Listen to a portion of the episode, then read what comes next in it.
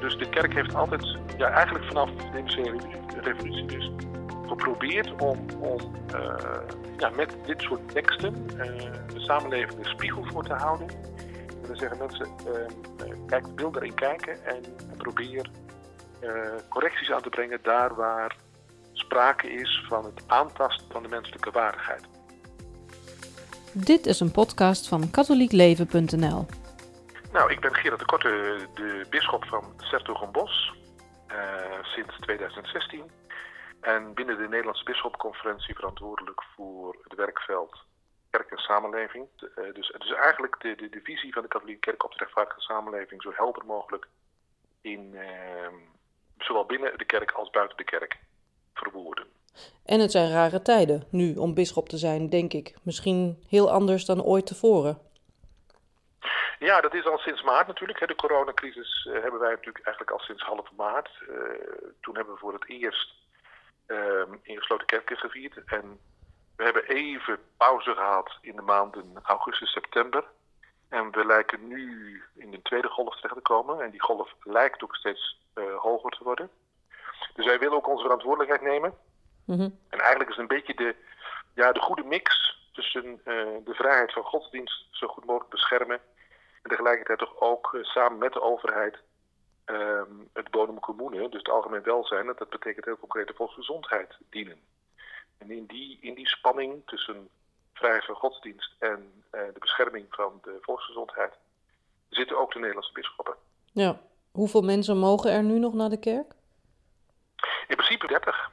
Wow. En het was uh, uh, al naar gelang de grootte van de kerk en dan anderhalve meter. Ze betekenen bijvoorbeeld hier voor de Sint-Jan, maar dat is een van de grootste kerken van het land, 300 mm -hmm. tegelijkertijd. Maar zeg maar in de gemiddelde neogotische kerk, want daar hebben we natuurlijk in Nederland heel veel van. Um, dus de kerken die allemaal gebouwd zijn in de tijd van het Rijke Roomse leven, zal ik maar even zeggen. Dan kunnen de coronaproof tussen de 100 en de 130 in. En dan is het natuurlijk terugschalen naar 30 um, ja, wel heel erg uh, uh, vervelend. Ondanks de coronacrisis um, gaat het in Rome ook gewoon allemaal door en verder. We gaan het hebben over de encycliek van de paus. De nieuwe encycliek van de paus. Wat is een encycliek? Een encycliek is uh, een, een rondzendbrief waarin de paus een belangrijk thema behandelt. En in dit geval gaat het om, een sociale encycliek. Waarin de paus uh, zijn gedachten formuleert over ja, zeg maar heel kort, de goede of de rechtvaardige samenleving. En dat heeft hij gedaan in 2015 met een hele bekende uh, rondzendbrief, uh, Laudato Si, geloof zijt gij, gebaseerd op het zonnelied van de heilige Franciscus. En, en vorige week heeft hij op het feest van, van Sint Franciscus, 4 oktober, heeft hij een, een, een, nieuwe sociale encycliek gelanceerd. En die heet Fratelli Tutti, uh, we zijn allemaal broeders en zusters. Ook weer gebaseerd op een tekst van de heilige Franciscus.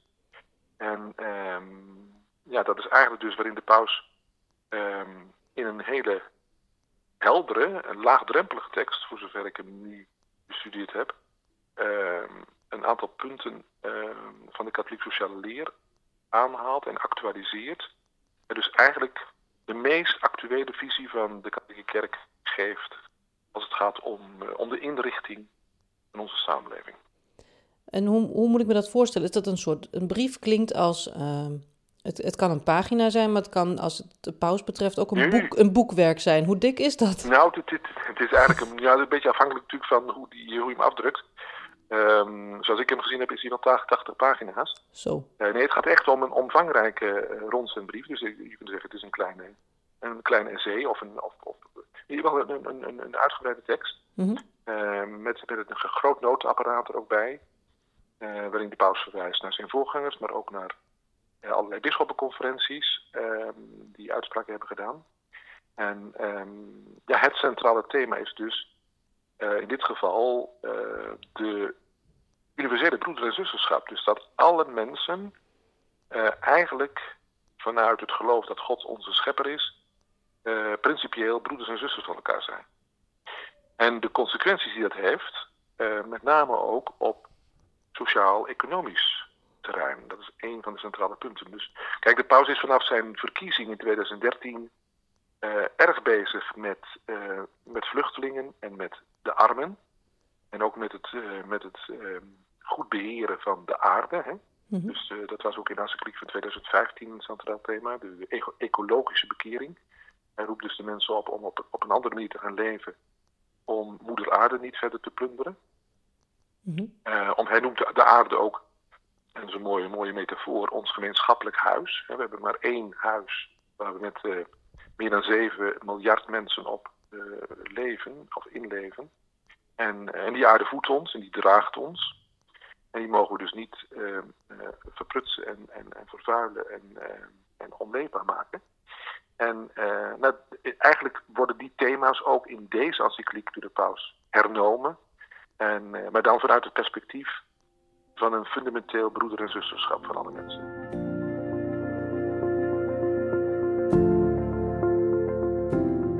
Eh, hij wil vooral ook ja, herhalen en, en nog weer inscherpen in wat voor situatie we verkeren. Wel in de context van de coronacrisis.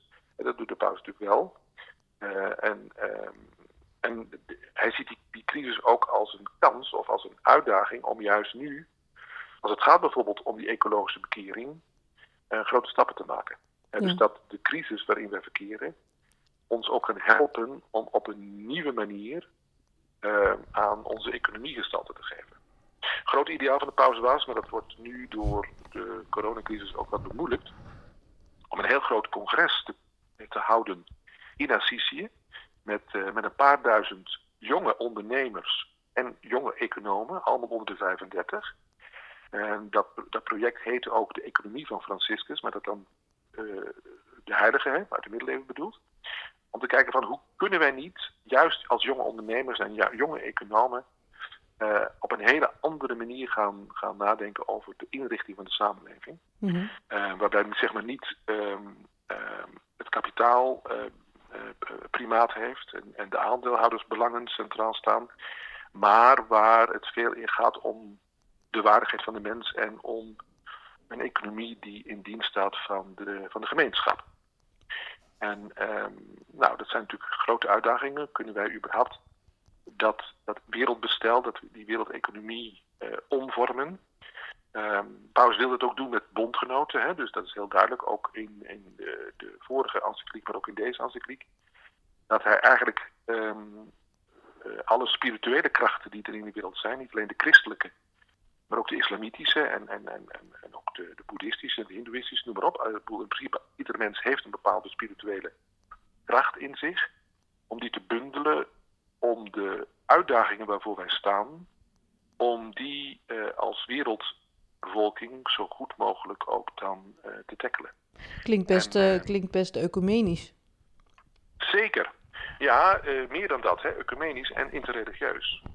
Dat is ook uh, opvallend, zowel in Laudato Si als nu in Fratelli Tutti, dat op het einde van de tekst staan er twee gebeden.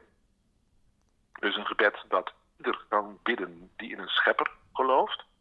En dan denken we dus in eerste instantie ook aan het Joodse volk en aan de uh, moslims in onze wereld. En een trinitair gebed, waarin dus God wordt aangesproken als Vader, Zoon en Geest. Wat specifiek voor alle christenen te bidden valt. En mm -hmm. dat geeft ook iets aan dat de paus uh, uh, het heel belangrijk vindt dat hij met name ook de moslims uitnodigt om mee te denken. En dat dus de beide grote wereldgodsdiensten, als het gaat om een streven naar een rechtvaardige samenleving, een gemeenschappelijke uitdaging hebben. Nou, dat zijn er eigenlijk ehm, in, in, de, in, de, in de visie van de paus drie. Dus opkomen voor een cultuur van het leven, wat in de katholieke terminologie dan heet opkomen voor het, uh, het leven vanaf de conceptie tot de natuurlijke dood. Dus, dus, dus ook een afwijzing van abortus en euthanasie. Dat is natuurlijk in, in de westerse wereld is dat niet de meest populaire dimensie van, uh, van de uitdaging. um, maar dat is wel iets waar de kerk voor staat. Hè? Dus, dus een cultuur van het leven dienen. Maar uh, de andere twee worden denk ik wel heel breed uh, ook, ook, ook door buiten de kerk gevarieerd. Dat is de, de globale sociale gerechtigheid.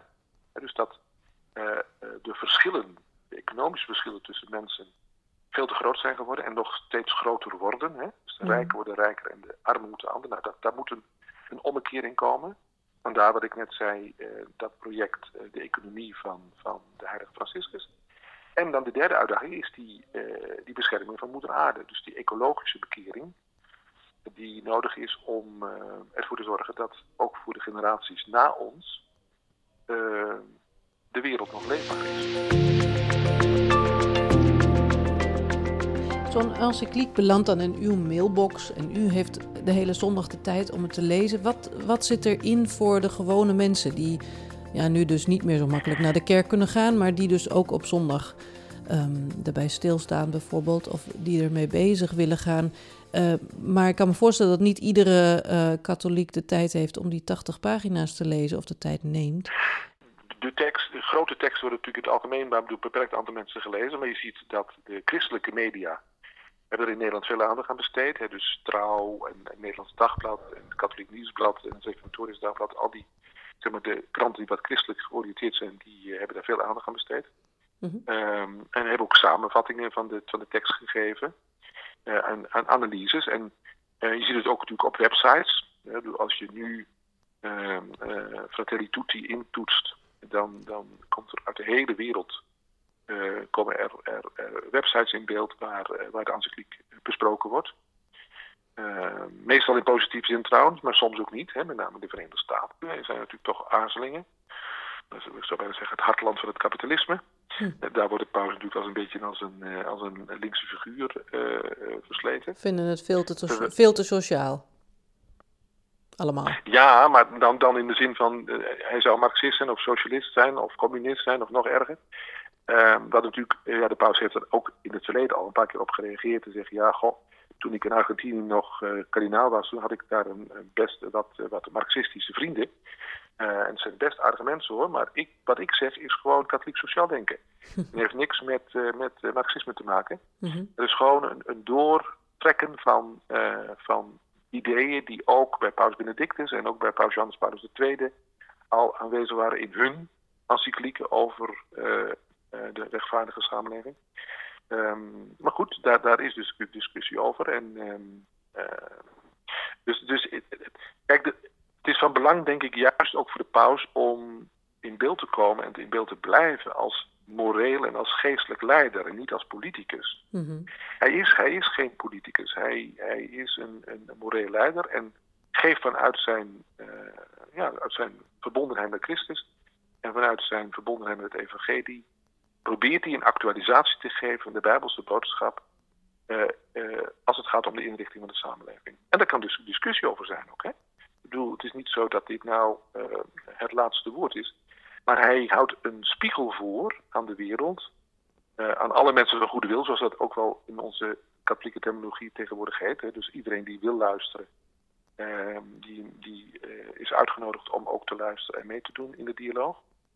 Eh, om te kijken van, nou ja, eh, zoals de wereld er nu voor staat, ehm, gaat het niet goed. Er zijn een groot aantal problemen rond eh, slechte verhoudingen, sociaal-economische verhoudingen, te grote verschillen, de, de, de, de, de klimaatproblematiek, de vervuilingsproblematiek. En kunnen we daar in de komende decennia eh, gezamenlijk met veel bondgenoten een, een keer ten goede aangeven. Ja.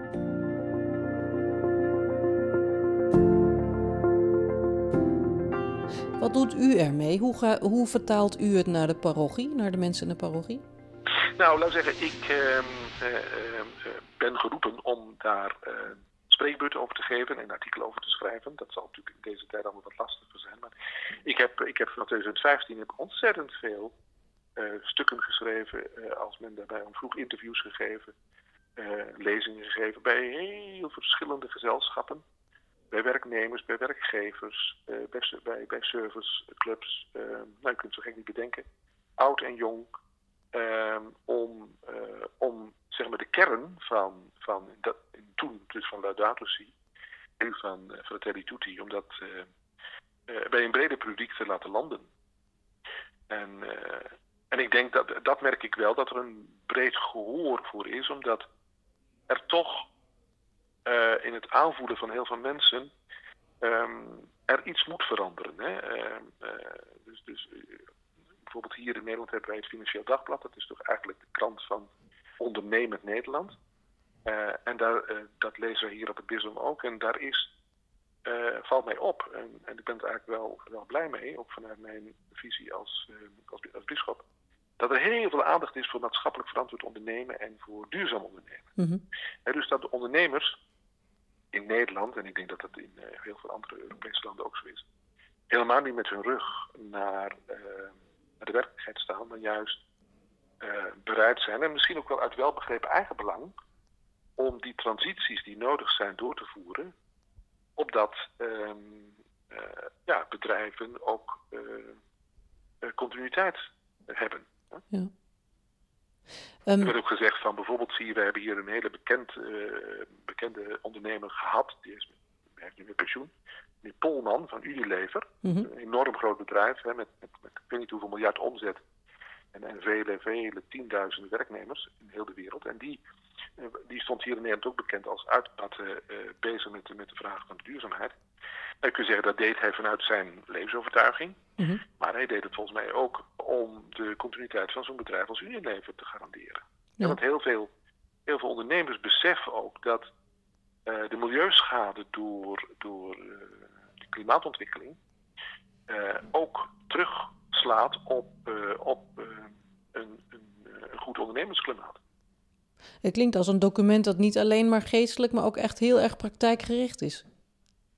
Zeker, zeker. Maar dat is natuurlijk altijd, dit soort, dit soort sociale encyclieken gaan over de samenleving, maar wel sterk geïnspireerd door, uh, door het evangelie van Jezus. Hè. Dus er zit, kijk, onze paus is natuurlijk een, een, heel vroom mens. Uh, heel veel westerse uh, mensen, of mensen in West-Europa, hebben volgens mij nog steeds een wat verkeerd beeld van deze paus. Hij komt natuurlijk uit Argentinië heeft een zeer klassieke katholieke vroomheid met, met veel aandacht voor Maria en voor uh, het belang van biechten. En nou, al die dingen die heel veel moderne Nederlandse mensen niet zo belangrijk vinden. Mm-hmm. Maar wat, wat, wat, wat in zijn visie dan ook een rol speelt, maar dat is helemaal bijbels georiënteerd bij hem. Um, ja, ieder mens is een schepsel van God en heeft een waardigheid van God gekregen. En we zien dat zoveel mensenkinderen uh, dat die waardigheid van die mensenkinderen uh, teniet wordt gedaan.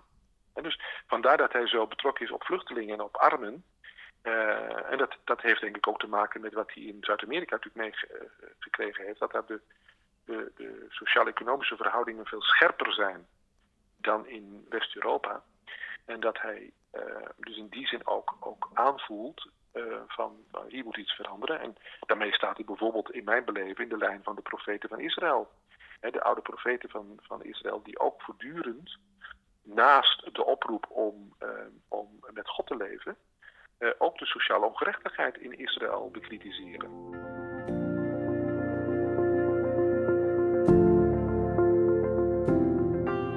En hoe was dat bij de eerste encycliek? Wanneer werd die geschreven? Die, ja, er zijn al heel lang encyclieken, maar de, de encycliek, de, de sociale encycliek, dat is begonnen in 1891. Rerum hè, over nieuwe dingen. En dat gaat, uh, ja, dan zitten we dus midden in de industriële revolutie. En dan komt Paus Leo XIII, heeft die tekst geschreven. En dan komt de paus op voor de rechten van de arbeiders. En um, je hebt natuurlijk uh, ontzettend slechte arbeidsverhoudingen in die periode. Uh, lange werkuren, uh, smerige fabrieken, slechte behuizing. Ja. En nou, dan, dan, Iets dat wij ons helemaal niet meer kunnen voorstellen. Nee, nee, nee. nee. de derde wereldsituatie zou ik bijna zeggen. Hè? Ja. in die periode. En daar, dus de kerk heeft altijd, dus in die zin, ehm, ja, eigenlijk vanaf de industriële revolutie dus geprobeerd om, om uh, ja, met dit soort teksten uh, de samenleving een spiegel voor te houden. En dan zeggen mensen, um, uh, kijk, wil erin kijken en probeer correcties aan te brengen daar waar sprake is van het aantasten van de menselijke waardigheid. Want de menselijke waardigheid is een van de centrale noties in het katholiek sociaal denken. Dat heeft eigenlijk ook een hele gelovige um, betekenis. Uh, of beter gezegd een gelovige achtergrond. Uh, omdat ieder mens in de, in de beleving van, een, van de kerk een schepsel van God is. Dus als je een, een mens schendt, dan schend je eigenlijk ook daarmee de schepper. Mm dus het, het geloof in schepping en dat wij mensen schepselen zijn, betekent dat het aantasten van de schepping en het aantasten van schepselen uh, feitelijk ook een aantasting is van de schepper. En, en, en uh, vandaar dus die grote nadruk die de paus legt op uh, menselijke waardigheid. Wat vond u zelf het mooist toen u het las? Wat sprak u het meest aan? Ja, nou, ik, ik heb heel veel, uh, heel veel herhaling ook gezien. En dat vond ik ook prima. Dus de paus die, die, die, die is vanaf 2013 bezig. Um, er zitten al een aantal, ja, wat, wat, wat ik bijvoorbeeld opvallend vind, is zijn oproep tot geweldloosheid. En uh, dus dat er eigenlijk nooit meer oorlog mag zijn. Dat oorlog in de huidige omstandigheden geen middel is om conflicten op te lossen. we hebben altijd in de katholieke kerk al moeite gehad natuurlijk met oorlog. Um, er is een hele, hele leer ontwikkeld vanaf, vanaf, de, uh, ja, vanaf de vroege kerk rond de rechtvaardige oorlog, zoals dat dan heet. Hè. En dat is niet bedoeld om de oorlog te rechtvaardigen, zoals het soms zelfs wordt geïnterpreteerd, maar juist om zoveel criteria op te stellen voor een rechtvaardige oorlog, dat het eigenlijk niet mogelijk was om oorlog te voeren. dus, uh, maar, maar in de huidige omstandigheden. Dus bijvoorbeeld een van de criteria die, die, die, die, die altijd genoemd is, is dat er mag, moet een strikt onderscheid zijn tussen burgers en soldaten. Nou, in de huidige omstandigheden, in de huidige oorlogsvoering, is dat eigenlijk niet te realiseren. En, en de paus die herhaalt dus wat, wat de kerk al langer gezegd heeft: van ja, een, eigenlijk is een rechtvaardige oorlog in de huidige wereld uh, niet mogelijk. Wat hij ook doet, maar dat is ook een, een, een leerontwikkeling, uh, het afwijzen van de doodstraf. Dat heeft ook weer te maken natuurlijk met de cultuur van het leven. Uh, dus als je werkelijk gelooft dat ieder mens een schepsel van God is, dan is ook een heel slecht mens, zal ik maar even zeggen. Dat is iemand die ontzettend veel misdaad heeft begaan die mogen wij niet doden in de beleving van de paus. Uh, dat moet je, de, zijn lot moet je aan God overlaten. Uh, maar we hebben niet het recht om, uh, om een ander mens te doden. En dat, is, ja, dat zijn best flinke uitspraken die de paus doet. Um, en is dat nieuw of is dat, heeft hij dat eerder niet gedaan? Jawel, er zit wat dat nou, rond die doodstraf zit er een bepaalde ontwikkeling in. Hè? Dus, dus kijk, vanuit de Bijbel rechtstreeks je zeggen, ja, de Bijbel en daar heeft de overheid althans, de wettige overheid heeft het recht om uh, de doodstraf uit te spreken. Wij hebben dat trouwens in Nederland ook gedaan met um, de oorlogsmisdadigers van de Tweede Wereldoorlog. Hè? Mm -hmm. Er zijn een aantal gefusilleerd na de oorlog.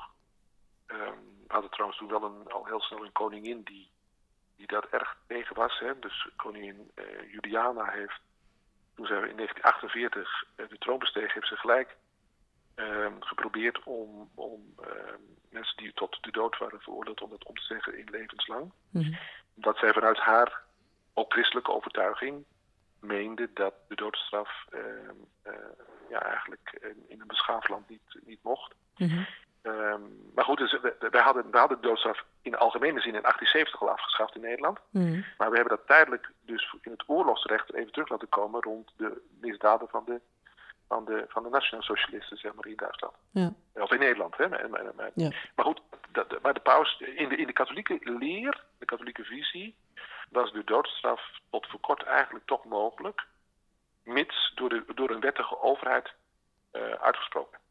En nu zie je dus dat een bepaalde leerontwikkeling ook, uh, dat de paus dit aanscherpt en zegt, zegt eigenlijk um, moeten katholieken uh, ten alle tijde de doodstraf um, um, van zich afwerpen. En dat heeft dat te maken, ook met de religieuze notie van uh, wij mogen niet het leven van een andere mens nemen, hoe slecht die uh, ook gehandeld heeft.